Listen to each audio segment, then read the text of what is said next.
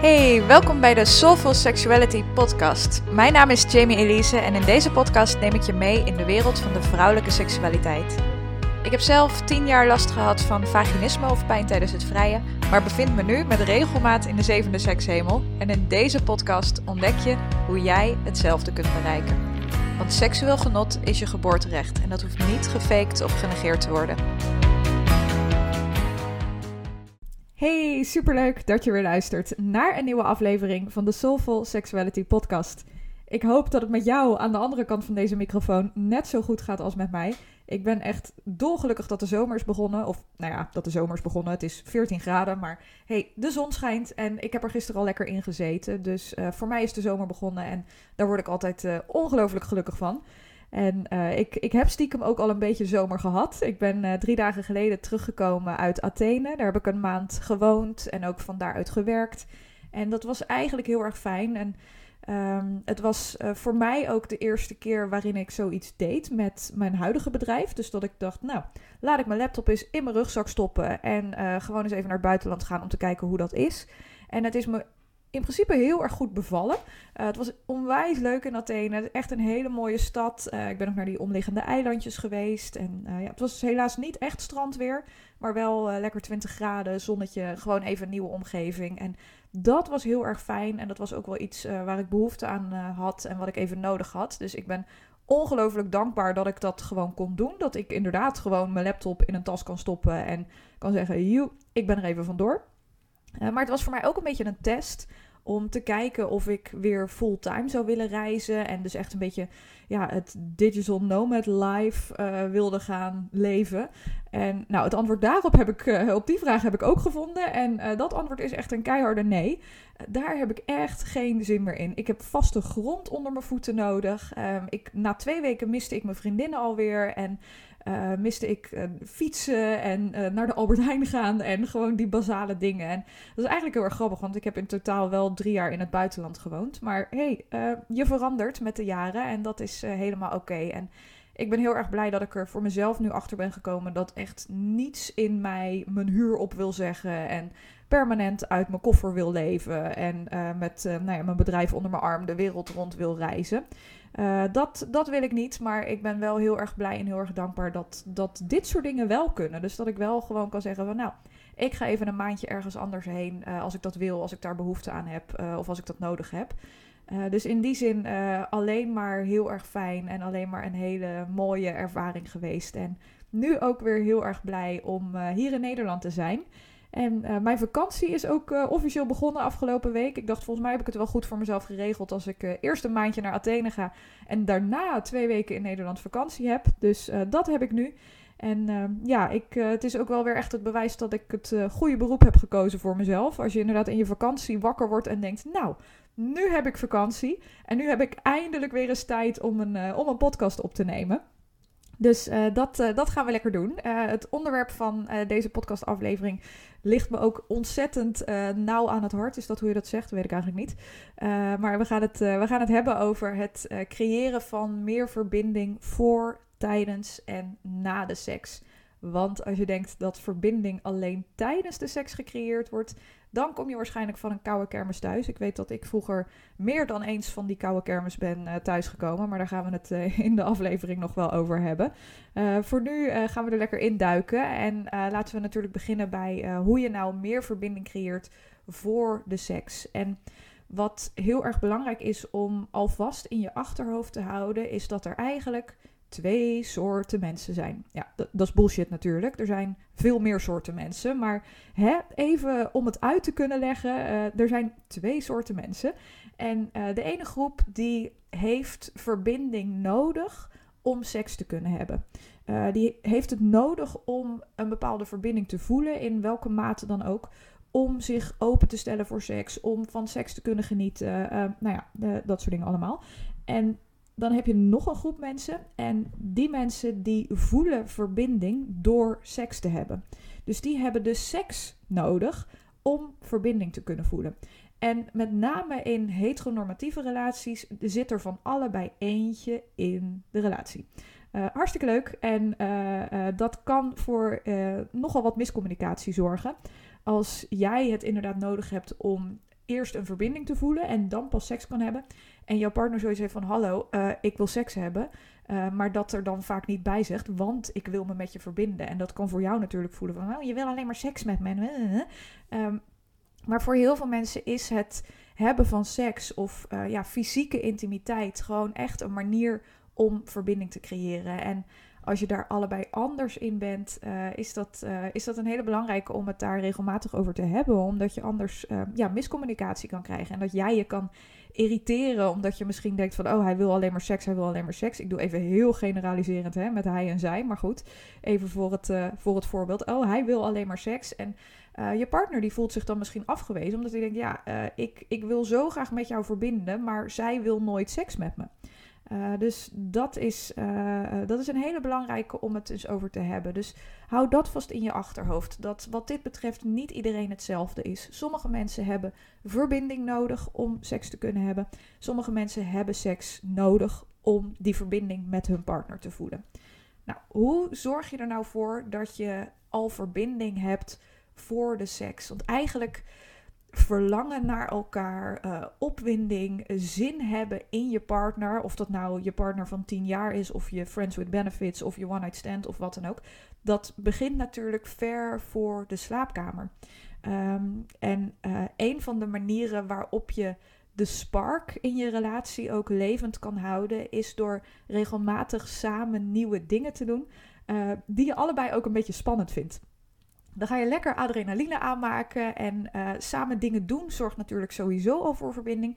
Maar als je het ook nog eens spannend vindt, dan ga je die adrenaline aanmaken. En dat zorgt ervoor dat die, uh, dat die spark weer een beetje tot leven komt. Dus extra tip, uh, helemaal als je, als je al wat langer in, in je relatie zit. vaak in het begin doen je hormonen dat, dat werkt wel voor je. En nou, eh, vliegen de vonken er sowieso vanaf. En heb je niet per se extra, extra hulp daarbij nodig. Maar in een lange termijn relatie kan het heel erg helpen en fijn zijn om af en toe dingen te doen met z'n tweeën die je spannend vindt. Waarbij je adrenaline aan gaat maken. Zodat die spark op die manier levend gehouden wordt. Want het, het, ja, een spark verandert in een lange relatie. En het zal nooit zo zijn als in het begin. Puur omdat een, ja, in een lange, lange termijn relatie heb je ook wat meer veiligheid en uh, wat meer stabiliteit. En dat is per definitie iets minder sexy over het algemeen. Um, maar je krijgt daar natuurlijk ook heel veel dingen voor terug. En dat de spark verandert, betekent niet dat die helemaal hoeft te verdwijnen. Je moet er enkel wat meer moeite voor doen om hem levend te houden. En dat is iets waar ik heel veel mensen de mist in zie gaan, is dat ze denken dat er iets mis is met de relatie zodra ze er moeite voor moeten doen. Of dat er iets mis is met hun aantrekkingskracht voor hun partner zodra het verdwijnt of zodra het niet meer zo heftig is als in het begin. Uh, het is een van de grootste mythes die er bestaan dat dat er maar gewoon moet zijn. Nee, daar moet je moeite voor doen. Uh, en als je uh, in een relatie zit waar je heel erg blij mee bent, dan is dat als het goed is ook iets wat je wilt. Dan is dat iets waar je, waar je moeite in wilt steken. Um, goed, klein, uh, klein zijspoor over het creëren van, van meer verbinding in je relatie. Um, wat hier een beetje mee samenhangt, ook met dus het voelen van meer verbinding voor de seks, zijn de vijf love languages. Daar heb je misschien wel eens van gehoord. Um, ik heb me laten vertellen dat ze inmiddels een klein beetje controversieel zijn, omdat die gozer die ze heeft uitgevonden, die is gecanceld. ik weet er ook het fijne niet van, maar het schijnt niet zo'n niet zo'n frisse rozer te zijn. Ehm, maar ik, ik vind die love languages zelf nog wel heel erg helpend. Ook in het kader van het creëren van verbinding. Dus vandaar dat ik ze toch wil benoemen in deze podcast. En je love language, dat is eigenlijk de manier waarop jij liefde voelt en geeft. En je hebt vijf verschillende. Je hebt physical touch, words of affirmation, acts of service, gifts en quality time. En als je dus niet dezelfde love language hebt als je partner. Dus uh, stel je voor, jouw partner's love language is quality time. En die van jou is words of affirmation. Uh, dat is de manier waarop jij liefde geeft en ook waarop je de liefde van je partner voelt. Dus jij vertelt je partner de godganse dag hoe lief, leuk, lekker en fantastisch je hem wel niet vindt. Uh, en je partner klaagt vervolgens dat hij geen verbinding met je voelt. Uh, omdat words of affirmation niet zijn love language is. Zijn love language is misschien quality time. En hij heeft het dus bijvoorbeeld nodig dat je echt tijd spendeert met z'n tweeën. Weg van telefoons en beeldschermen en dat soort dingen. En dat je er echt uh, dat je echt samen leuke, leuke dingen doet of met z'n tweeën gewoon tijd doorbrengt. Um, dus dat is een. Uh, je kan online overal uh, kan je zo'n test doen om uit te vinden wat je love language is. en als je dat weet, dan kan je ook je partner liefde geven op een manier waarop je partner dat ook voelt. in plaats van de manier waarop jij het misschien voelt, wat vaak ook automatisch de manier is waarop we het geven of waarop we, ja, waarop we onze liefde willen delen met onze partner. Maar het, is, uh, ja, het, het kan heel erg helpend zijn om te weten van hey, hoe, hoe voel jij mijn liefde eigenlijk? Uh, juist natuurlijk ook voor het creëren van die verbinding. Um, en uh, als allerlaatste natuurlijk het creëren van verbinding voor de seks. Um, als je het hebt over seks zelf, daar heb je een bepaald gevoel voor nodig. Um, hou nooit op met flirten alsjeblieft. Uh, flirten is eigenlijk een. Uh, het, is, het is playtime. Het is. Uh, laat het speels zijn. En speelsheid is ook iets waar ik heel veel vrouwen heel veel moeite mee zie hebben. als ze geen verbinding met hun lichaam hebben. Dat is iets wat ik zelf ook herken uit de tijd dat ik nog vaginisme had. Um, dat ik echt. ik was doodsbang om te flirten eigenlijk. Ik was doodsbang voor dat speelse. Ik dacht, hoe nou, nee hoor, blijf maar bij me uit de buurt, want dat gaat misschien ergens heen waarvan ik niet wil dat het daarheen gaat, of ik weet helemaal niet wat ik van jou wil, dus ik zat compleet in mijn hoofd. Terwijl flirten is wat het is. Flirten is misschien. Flirten is geen ja, dit gaan we doen. Flirten is geen nee, dit gaan we absoluut niet doen. Flirten is misschien. En misschien, uh, dus dat, dat, dat niet zeker weten wat er gaat gebeuren, is ook iets waar je ongelooflijk moeite mee kan hebben uh, als je niet verbonden bent met jezelf, niet verbonden bent met je lichaam, niet verbonden bent met je grenzen, je behoeftes, je verlangens. Uh, omdat onzekerheid, uh, wat, wat flirt eigenlijk is, dat, dat maybe, maybe yes, maybe no, die onzekerheid die voelt ongelooflijk onveilig voor je brein. Um, je, je brein, je systeem, die wil geen onzekerheid, die wil weten waar het aan toe is. En Vaak als je dus niet verbonden bent met je eigen grenzen, verlangens en behoeftes, kan je daar helemaal niet tegen. En ben je dus heel erg geneigd om uh, of mensen weg te duwen uh, als je ook maar een klein beetje geflirt merkt, of um, word je er juist heel erg spastisch van als jij het wel heel graag wilt met die persoon. En klap je daar misschien van dicht of wat dan ook. Omdat het voor jou al een volledige ja is met hoofdletters en zes uitroeptekens. Terwijl je die persoon misschien drie keer bij de supermarkt hebt gezien. En eigenlijk nog helemaal niet zo goed kent. Um, dus dat uh, um, om te kunnen flirten eigenlijk. En in een relatie is dat natuurlijk anders. Dan heb je die veiligheid als het goed is. Dan kent je partner je grenzen, je verlangens, je behoeftes. Dan uh, weet je hoe het zit tussen jullie. Um, dus die veiligheid kan het ook net weer iets minder spannend maken, maar het juist ook weer wat makkelijker. Um, maar om de een of andere reden vergeten we in een lange relatie of in een vaste relatie vaak te flirten. Hou er alsjeblieft nooit mee op. Uh, blijf ermee doorgaan. Stuur elkaar leuke appjes. Hou het spannend, hou het leuk. En steek daar allebei ook moeite in. Um, Goed, ik, uh, ik zei het net al, ik heb het, het woord veiligheid heb ik uh, een aantal keer genoemd. En dat is ook eigenlijk de basis voor het creëren van die verbinding voor de seks. Ook tijdens de seks en na de seks, maar daar gaan we het zo over hebben. Maar met name voor de seks. Je, je hebt veiligheid nodig. Dat is de basis om seks te kunnen hebben. Zonder veiligheid kun je je niet overgeven. Zonder veiligheid kun je je niet openstellen. Zonder veiligheid kun je die gedachtenmolen in je brein niet loslaten om lekker in je lijf te zakken. En veiligheid creëren, dat begint bij jezelf. Dat is niet alleen afhankelijk van je partner. Tuurlijk wil je dat je partner jou ook die veiligheid geeft, maar het begint bij jezelf. Bij het kennen van jouw grenzen, verlangens en behoeftes. Want als je die niet kent, kun je ze ook niet communiceren. En pas als je ze communiceert, leer je of jouw partner veilig voor jou is. Emotioneel, fysiek, uh, spiritueel, mentaal, uh, op welk vlak dan ook. Um, want je, je ontdekt eigenlijk hoe veilig jouw partner voor je is door de manier waarop hij of zij daarop reageert. Als jij je grens uitspreekt, als jij je verlangens uitspreekt, als jij je behoeftes uitspreekt, hoe word je daarin ontvangen door je partner? Wordt er respectvol op gereageerd of wordt er over jouw grenzen heen gedenderd? Uh, wordt er liefdevol op jouw verlangens en jouw behoeftes gereageerd? Of word je uitgelachen en een beetje belachelijk gemaakt?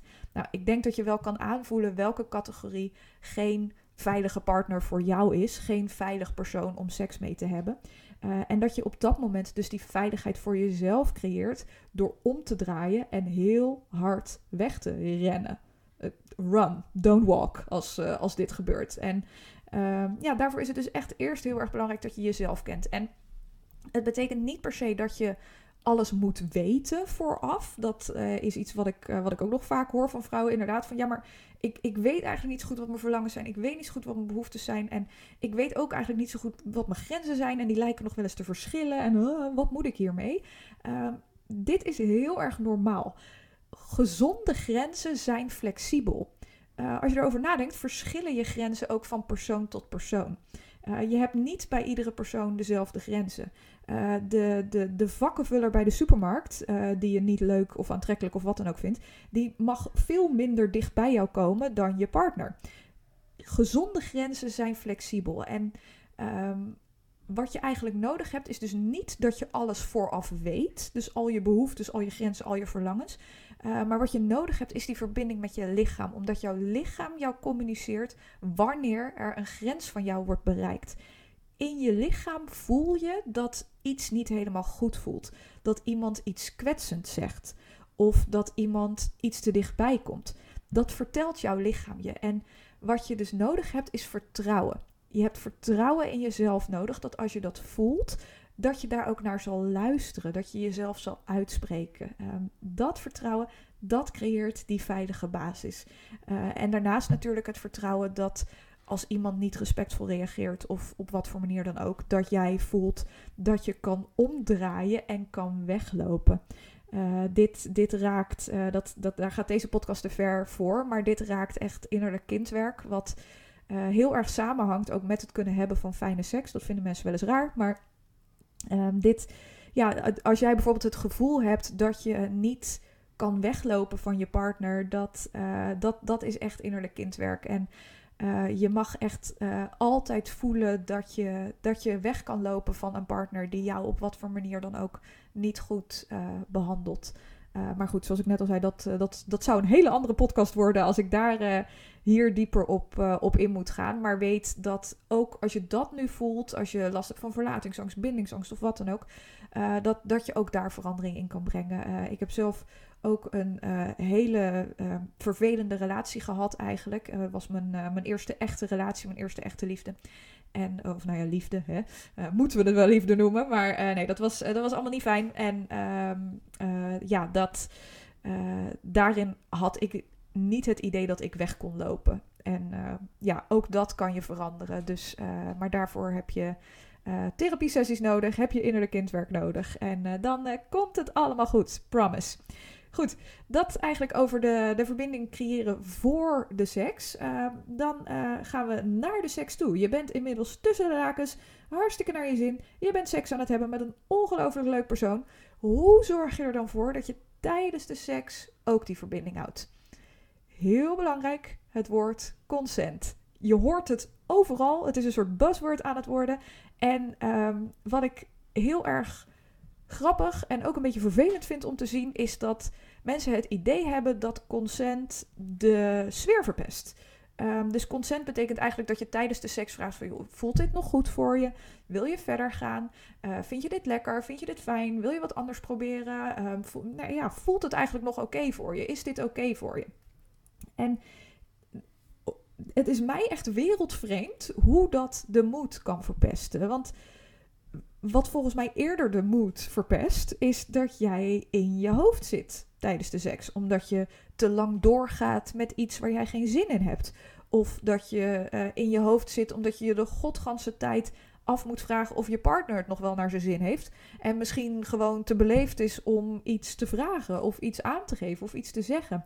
Ehm, als je tijdens de seks niet uh, die feedback geeft en ontvangt van oké, ik heb het nog naar mijn zin, jij hebt het ook nog naar mijn zin, is het heel erg moeilijk om in het moment en in je lijf te blijven met je partner in verbinding. Je schiet op zo'n moment in je hoofd en zodra je tijdens de seks in je hoofd zit, ben je alleen. Je bent niet meer verbonden met je pleasure, met je seksuele genot, want dat zit in je lichaam. En je bent ook niet meer verbonden met je partner, want je zit in je hoofd. En dat in je hoofd schieten kan ook echt een beschermingsmechanisme zijn van je brein. Uh, in een poging om de controle te houden. Uh, dus het kan, zelfs als je aan de boodschappen denkt of aan uh, morgen, gisteren, over tien jaar of tien jaar geleden, als je daarover nadenkt, dus over dingen die eigenlijk helemaal niet met de seks te maken hebben, kan het ook een beschermingsmechanisme van je brein zijn om je uit het moment te halen. En is het een teken dat jij je niet helemaal veilig voelt. En dat betekent niet per se dat je partner een klootzak is, maar misschien moet er gewoon een keertje een gesprek gevoerd worden met je partner? Of uh, is er iets wat je nog dwars zit? Of misschien ga je inderdaad te lang door met iets dat voor jou niet goed voelt. Uh, en, en is dit een manier van jouw systeem om de verbinding met, met je lichaam en het moment te verbreken? In je hoofd zitten tijdens de seks is een signaal dat er iets speelt. En het is een signaal waar je naar mag luisteren. Vaak irriteren we ons daaraan. oh, ik kan tijdens de seks, ik zit alleen maar in mijn hoofd en, ik wil in mijn lichaam zitten. Oké, Snap ik, goed. Maar begin eerst eens met luisteren. Wat vertelt je gevoel jou? Wat vertellen je gedachten jou? En geef daar gehoor aan. En uh, kijk eens uh, wat, er, wat er dan gebeurt. En uh, ja, allerbelangrijkste tijdens de seks, blijf bij elkaar inchecken. Je hoeft geen hele gesprekken van drie uur te voeren tijdens de seks. Ik kan me voorstellen dat dat je wel een beetje uit de moed haalt. Maar wel, wil je verder gaan? Voelt dit goed voor je? Ben je nog oké? Vind je dit fijn? Dat zijn alleen maar, vind ik over het algemeen, hele sexy vragen. Goed, dan natuurlijk de verbinding na de seks. Um, als ik terugdenk aan mijn vaginismejaren en dan met name mijn allereerste relatie waarin ik de seks gewoon nog uitzat met mijn kiezen op elkaar en mijn ogen dicht. En als ik daar nu aan terugdenk, krijg ik echt buikpijn. Maar uh, ja, het deed ongelooflijk veel pijn. En ik zat het gewoon uit omdat ik bang was dat hij bij me weg zou gaan als we geen seks zouden hebben. Geen seks met penetratie natuurlijk. Um, en uh, ik was, uh, ja, het was voor mij ook een hele wanhopige poging om verbinding te voelen.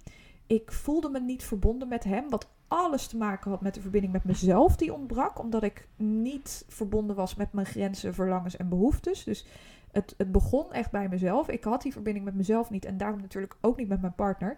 Um, maar ik, uh, ja, ik probeerde wanhopig om tijdens de seks die verbinding te voelen. En als er uh, iets is wat ik wilde, was het knuffelen na de seks. Ik wilde dat zo graag, maar hij draaide altijd zijn rug naar me toe en uh, ging op zijn zij liggen en uh, viel in slaap of ging op zijn telefoon zitten of wat dan ook. Het was een totale disconnectie. En echt, als ik daar nu aan terugdenk, dat moment is bijna pijnlijker dan de pijn seks. Ik zie mezelf gewoon weer liggen in dat bed beetje verloren, uh, ongelooflijk alleen. Uh, dat is het typische voorbeeld van wel in een relatie zitten, maar alsnog heel erg alleen zijn. En uh, ja, het is natuurlijk niet eens per se zijn schuld, uh, want ik had me op dat moment uit moeten spreken of op een ander moment. Maar van joh, weet je, na de seks heb ik nazorg nodig. Seks is ongelooflijk kwetsbaar. Helemaal ook het krijgen van een orgasme. Nou, mag het duidelijk zijn dat ik in die situaties nooit een orgasme heb gehad. Maar uh, het hebben van seks, uh, het krijgen van een orgasme. Je bent op dat moment een beetje een open zenuw. En Um, nazorg is, uh, nazorg het klinkt een beetje gek, maar uh, je snapt wat ik bedoel. Dat is ongelooflijk belangrijk. Jouw behoefte om daarna te willen knuffelen of misschien nog even te kletsen of wat dan ook, is wat veiligheid creëert ook bij je partner en bij jezelf. En is ook wat, wat de verbinding met je partner ongelooflijk versterkt. Dus spreek je uit als dat is waar je behoefte aan hebt. Uh, naast knuffelen kan je natuurlijk ook inderdaad even kletsen. Uh, ik krijg wel eens de vraag van ja, wanneer moet je het nou over seks hebben met je partner? Na de seks is echt het allerbeste moment. Uh, vraag wat je partner het lekkerst vond. Uh, vraag of er misschien iets was wat voor je partner niet per se hoeft. Of wat hij misschien niet zo lekker vond. En dan, als het goed is, geeft je partner dan antwoord en zegt hij vervolgens: En jij, hoe is dat voor jou? Uh, en dan krijg je ook meteen wat meer informatie over wat je partner nou wel en niet lekker vindt. En leren jullie elkaar op seksueel gebied ook steeds beter kennen. Dus uh, klets even na, knuffel met elkaar. Weet dat die behoefte daaraan ongelooflijk uh, terecht is. Dat, die, dat je daar gehoor aan mag geven. En dat als je partner dat misschien niet doet, dat je, dat, ook iets is waar, waar je om mag vragen. Omdat je zo op die manier die veiligheid voor jezelf creëert. Um, en uh, ja, haal water voor elkaar, uh, haal tissues voor elkaar. Uh, maar hou die verbinding ook juist even na de seks. Goed, dat was de aflevering. Ik geloof dat die echt knijtertje bomvol waardevolle tips en informatie zit. Dit is er echt eentje die je misschien later nog eens terug wil luisteren. Of waarbij je aantekeningen wil maken of wat dan ook. Want nou, ik kan merken dat ik een maand geen podcast heb opgenomen. Want het lijkt net alsof ik uh, alles, van, alles van een maand uh, in deze aflevering heb geprobeerd te rammen. Uh, maar goed, misschien ook juist alleen maar fijn, zo'n aflevering bomvol tips en, en informatie. En nou, dat, dat was nog niet alles, want het is op woensdag 17 mei weer tijd voor mijn gratis online masterclass van pijn naar pleasure. In deze masterclass vertel ik je precies wat vaginisme is en veroorzaakt. En ontdek je ook de drie stappen om daarvoor eens en altijd van af te komen. Want echt, 1980 wil zijn overtuigingen terug. Vaginisme is niet iets waar je maar mee moet leren leven. Het is ongelooflijk goed te verhelpen. En wat het lastig maakt zijn de schaamte, taboes uh, en het gebrek aan juiste informatie. Dus daar gaan we tijdens de masterclass verandering in brengen. Deelname is gratis en anoniem. Makkelijker kan ik het, kan ik het echt niet voor je maken. En um, ja, in die masterclass vertel ik ook wat meer over mijn eigen ervaring. En uh, ja, wat, uh, wat nou de stappen zijn om er voor eens en altijd vanaf te komen. Woensdag 17 mei om half acht. Uh, online, gratis, anoniem. Je kunt je inschrijven via de link in de show notes. En mocht je deze aflevering nou op een later moment luisteren, kun je je voor de volgende editie van deze masterclass inschrijven. Want ik geef hem één keer in de maand. Dus ook dan hoef je hem niet te missen. Goed, voor nu een hele fijne ochtend, middag of avond en heel graag tot de volgende aflevering.